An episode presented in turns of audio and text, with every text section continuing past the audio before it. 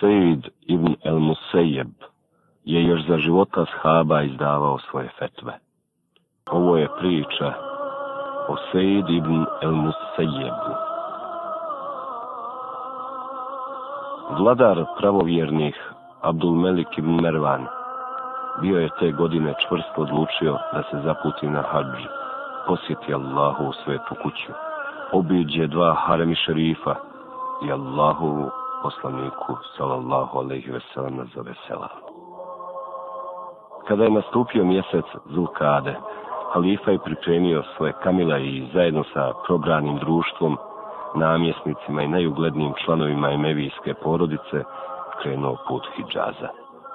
Sa sobom je poveo i nekoliko najutjecanijih ljudi na kormilu države i neke od svojih sinova, Družina je na svome putu iz prijestolnice Damaska do Medine Munnebere putovala ni previše sporo da bi zakasnila, ni previše žurno da bi se prije obreda hađa iscrpila tako da su gdje god bi odsili, razapinjali šatore, prostirali prostirku i organizirali kružoke na kojima se pored zikra moglo čuti kako lijepi predavanja, tako i odgovora na brojna vjerska pitanja što je tlijenilo pažnje slušalaca i krijepilo njihove žedne duše za znanjem, mudrošću i lijepim savjetima.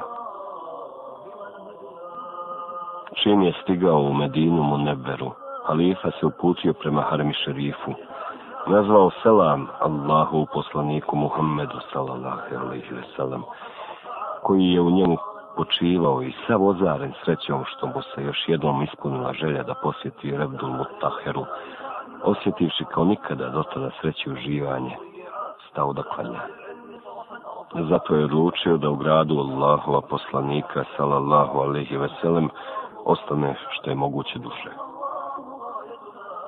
Najviše što ga se u Bendini mu neveri dojmilo, bili su brojni kružoci u džami Allahova poslanika, salallahu alihi veselem, na kojima su održavana predavanje iz raznih vjerskih disciplina – kružoke su vodili i u njima, poput sjajnih zvijezda na nebeskom svodu, blistali nedaleko čuveni alimi iz reda najstarijih među generacijom tabijina, tako da je jedan kružok vodio Urve ibn Ezubeir, drugi Seid ibn El Musejeb, treći Abdullah ibn Utbe i tako dalje. Jednoga dana halifa nije po svome običaju prilegao poslije podne da se malo odmori i odspava, pa je pozvao svoje sluge, Mejseru, i naredio mu da ode do džamije Allahova posladika sallallahu alaihi veselem i pozove nekog od tamošnjih halima da dođe i posavjetuje halifu.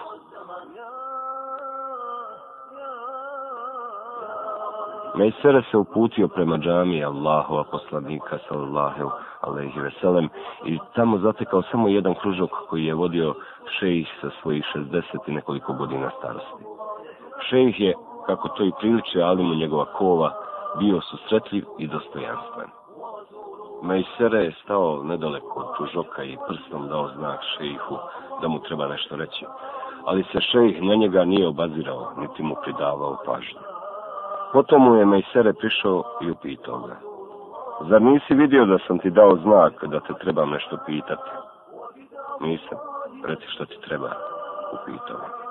Vladar pravovjednih se probudio i rekao mi, idi i vidi ima li u džami iko od mojih pripovjedača, pa mi ga dovedi.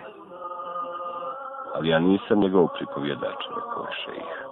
Znam, ali on hoće nekoga komu zna pripovjedati, odgovorio je mister. Kada nekome nešto treba, on sam po to dođe, rekao je šejih i dodao. Ako hoće, neka dođe. U džami, evo ima dovoljno mjesta iza njega, jer onaj ko hoće čuti predavanje, na njega mora doći, a ne da njemu predavanje dolazi na noge. Na to se sluga vratio nazad i rekao hadis. U džamiji sam zatekao samo jednog šejha, kome sam dao znak da ustane, pa nije htio ustati. Zatim sam mu prišao i rekao, vladar pravovjernih se upravo probudio i rekao mi, da odem do džamije i vidim ima li tamo ko od njegovih pripovjedača, pa da ga pozovem da mu dođe. Kada sam mu to rekao, on mi je mirno i odlučno odgovorio da on nije tvoj pripovjedač, dodavši da u džamiji ima dovoljno mjesta i za tebe, pa da ako hoćeš, možeš i ti doći. Na to je Abdul Malik i Mervan uzdahnuo, skočio na noge i počeo hodati po kući ponavljajući. Mora da je to bio Sejid Ibn El Musayyib, da mu Bog doni si ništa ni govorio. Pošto je napustio prisutne i negdje u kući nestao, najmlađi Abdul Melikov sin se okrenuo prema svojem starijem bratu i upitao Ko je taj čovjek koji se nije htio odazvati vladaru pravovjernih i doći da sa njim u njegovu društvu popriča? ko je taj čovjek koji se drznuo ne poslušati vladara kome se sav svijet povinovao i pred čijom su moći pokletli čak i bizantijski carevi. To je onaj isti čovjek čiju je čerku vladar pravovjernih zaprosio za tvoga brata Elvelida, pa mu je nije dao. Odgovorio mu je stari brat. Nije dao da se njome oženi Elvelid ibn Abdul Malik, čudeći se upitao je mlađi brat i dodao. Zar je mislio da joj može naći boljeg i uglednijeg muža od prijestolonasljednika vladara pravovjernih i budućeg halife svih muslimana? Stari brat je ovo šutio i ništa mu nije htio odgovoriti. Pa je mlađi brat ponovo pitao. Dobro, ako svoju pćerku nije htio udati za prijestolo nasljednika vladara pravovjernih, ili joj onda našao nekog drugog kojoj bolje dolikuje, ili joj je, kao što sam čuo da neki čine, zabranjivao da se uda sve dok od nje nije odbio prosce i kao neudavaču je zatvorio u kuću. Pravo da ti kažem, ne znam ništa šta se poslije sa njom desilo, odgovorio je stari brat. Na to se jedan od prisutnih medinjana, koji je od početka slušao njihov razgovor, okrenuo prema njima i upitao. Ako bi mladi princ dozvolio, ja bih mu mogao sve detaljno ispričati šta je sa njom poslije bilo. Udala se za jednog mladog čovjeka iz moje mahale po imenu Ebu Veda. On je prvi komšija i naše kuće su jedna do druge. Duga je priča o tome kako se njome oženio, ali je potpuno istinita jer sam ju lično od njega čuo. Dobro, onda nam je ispričaj, rekla su dva brata. Na to im je čovjek iz početka počeo kazivati kako je bilo. Ebu Veda mi je o tome ovako ispričao. Kao što znaš, u želji da što više naučim, nisam se odvajao od džamije Allahova poslanika sallallahu alaihi veselem i kružoka koji je vodio Sejid ibn el Musejeb, gdje sam se kao i ostali ramenima gurao da nađe mjesta. Jednom prilikom sam nekoliko dana uzastopno izostao sa šehova predavanja, zbog čega se zabrinuo da nisam bolestan ili da mi se šta nije desilo, pa se o meni počeo raspitivati, ali mu niko od prisutnih nije znao o meni ništa reći. Kada sam se poslije nekoliko dana odsustva ponovo vratio na njegova predavanja, toplo me pozdravio i upitao. Ebu veda, šta je to sa tobom bilo, pa ovih dana nisi dolazio. Umrla mi je žena, pa sam se oko toga bio zabavio, odgovorio sam. Ebu Veda, zašto nam nisi došao i kazao, pa da i mi dođemo na njenu dženazu i da ti ako ti je što trebalo pri ruci budemo i pomognemo? Upitao je šejh, pa sam mu rekao, hvala ti, Allah te nagradio. Kada sam htio ustati i krenuti, šejh mi je dao znak da još malo ostanem, pa me, kada su svi izašli, nas dvojica nas sam ostali upitao. Ebu Veda, misliš li se ponovo ženiti? Pa sam mu rekao, Allah ti se smilovala. A ko bi mi svoju kćerku dao kada je sam znaš da sam krpeći dan sa danom kao siroče odrastao i da ni sada u džepu nema više od dva ili tri dirhema. Na to je šejh rekao. Ja ću ti dati svoju kćerku. Pa mi se od iznenađenja jezik spetio da sam mu jedva uspio reći zar da mi ti za ženu dar svoju čerku nakon svega što o meni znaš. Jeste, odgovorio je i dodao. Ja ću ti svoju kćerku dati za ženu, zašto ne? Jer mi ne odbijamo ženisti onoga ko nam tim poslom dođe, ukoliko smo sa njegovom vjerom i vladanjem zadovoljni, a mi smo sa tvojom vjerom i vladanjem zadovoljni.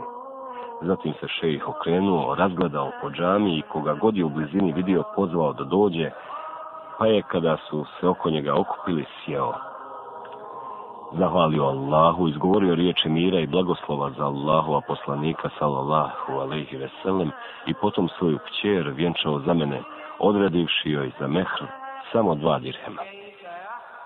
Poslije toga sam sav zbunjen i ne znajući šta od radosti da kaže na sve ovo, ustao sam i otišao pravo kući. Taj dan sam postio, pa sam i na post zaboravio, sam sebi govoreći. Teško tebi, Ebu Veda, šta sa sobom uradi? Kod koga ćeš sada zadužiti se i koga ćeš naći da ti za ženitbu novac posudi? Tako sam razmišljao sve dok nisam čuo Ezan Zakšan, pa sam klanjao farze i sjeo i stariti hljeba i ulja. Tek što sam bio založio zaloga je dva, čuo sam da neko kuca na vrata, pa sam ustavio pitao ko je. Sejid, čuo sam glas s onu stranu vrata, pa su mi tako mi Allaha kroz misli prošli svi koje sam sa tim imenom znao, osim Sejda ibn El Musejeba, jer kako bih na njega mogao i pomisliti kada već 40 godina nije viđen osim na putu od kuće do džanije i nazad. Kada sam otvorio vrata, iznenadio sam se kada sam pred sobom ugledao imama Sejda ibn El Musejeba. Musejeba odmah sam pomislio da se nešto desilo i da se predomislio da će mi svoju čerku dati za ženu. Ebu Muhammede, rekao sam, zašto si se ti mučio i što nisi nekoga poslao po mene pa da ja dođem ako sam ti šta trebao? Ne, preče je bilo da ja danas tebi dođem, odgovorio je, pa sam mu rekao, Bujrum, hajde uđi. Ne, neću ulaziti, odgovorio je, nego sam ti došao jednim drugim poslom. Kakvim poslom Allah ti se smilovao? Upitao sam, sam je rekao. Moja kćerka je od danas po Allahu u vjerozakonu postala tvoja žena. Znam da te nema ko utješiti ni u samoći razgovoriti. Zato mi nije bilo drago da ti zanoćiš na jednom, a tvoja žena na drugom mjestu, pa sam ti u doveo sa sobom. Teško meni, zar si mi je baš ti doveo?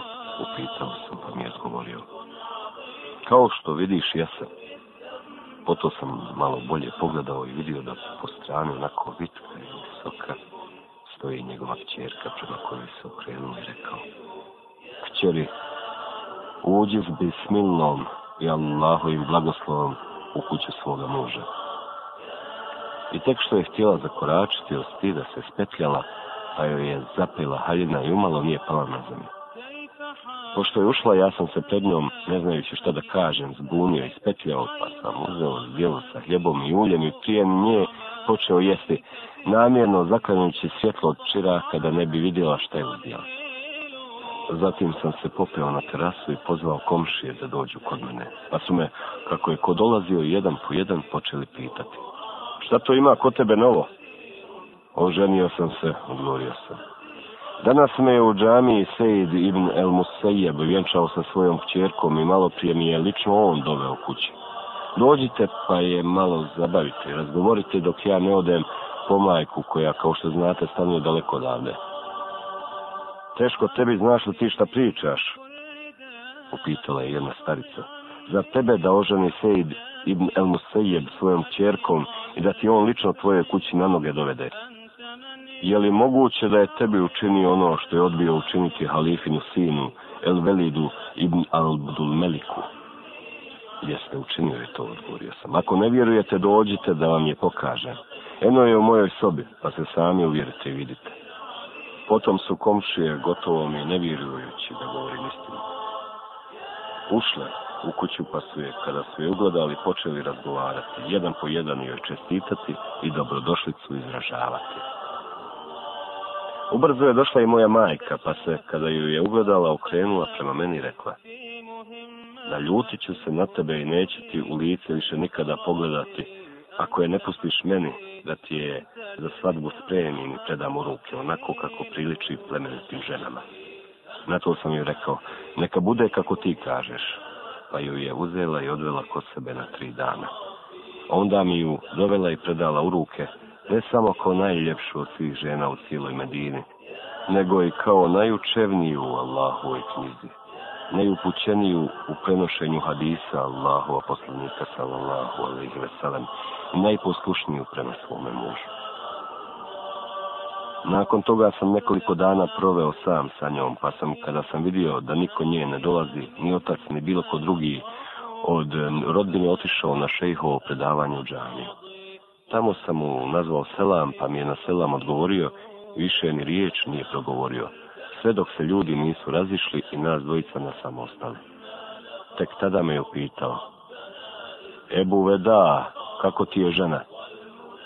Onako kako je drago prijatelju, a mrsko neprijatelju, odgovorio sam pa je rekao.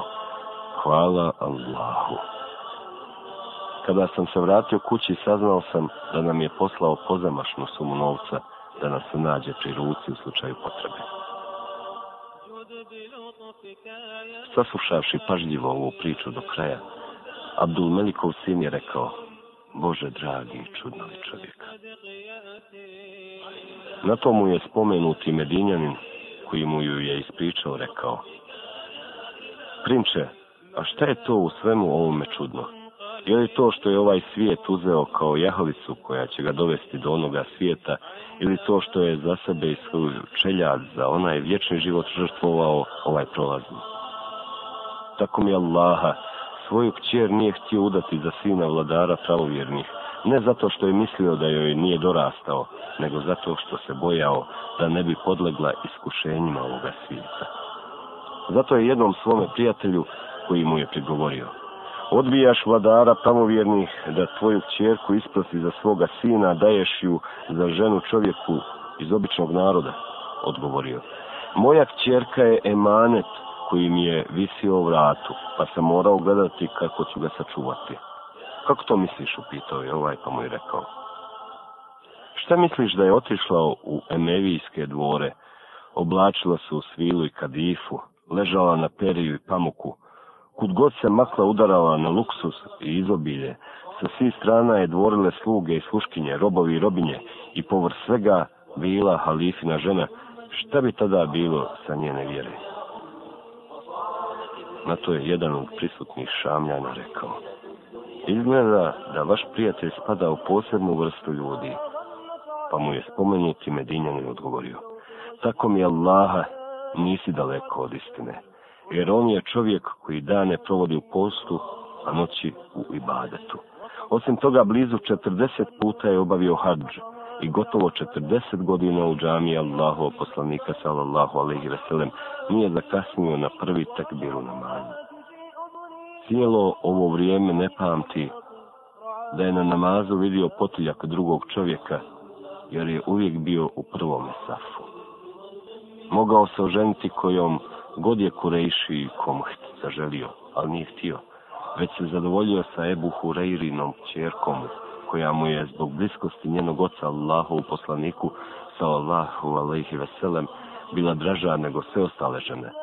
A kako i ne bi, kada je od njenog oca čuo toliko hadisa i u njemu razvio toliko ljubav prema njihovom prenošenju, da je od svoga ranog djetinstva počeo tragati za znanjem i da je na tome putu bio jedan od rijetkih sretnika koji je imao priliku da majke pravovjernih poslanikove sallallahu alaihi ve sellem supruge budu učitelji koji mnogi poznati ashabi poput Zejda ibn Sada, Abdullaha ibn Abbasa, Abdullaha ibn Omera, zatim Osmana, Alije, Suhejba i mnogi drugih od kojih je poprimio lijepe osobine i čestitost u vladanju. I konačno, cijel svoj život poput parole ponavljao je jednu misao. Ništa roba ne može uzdići kao pokornost prema Allahu. Niti ga šta može poniziti kao ne poniziti.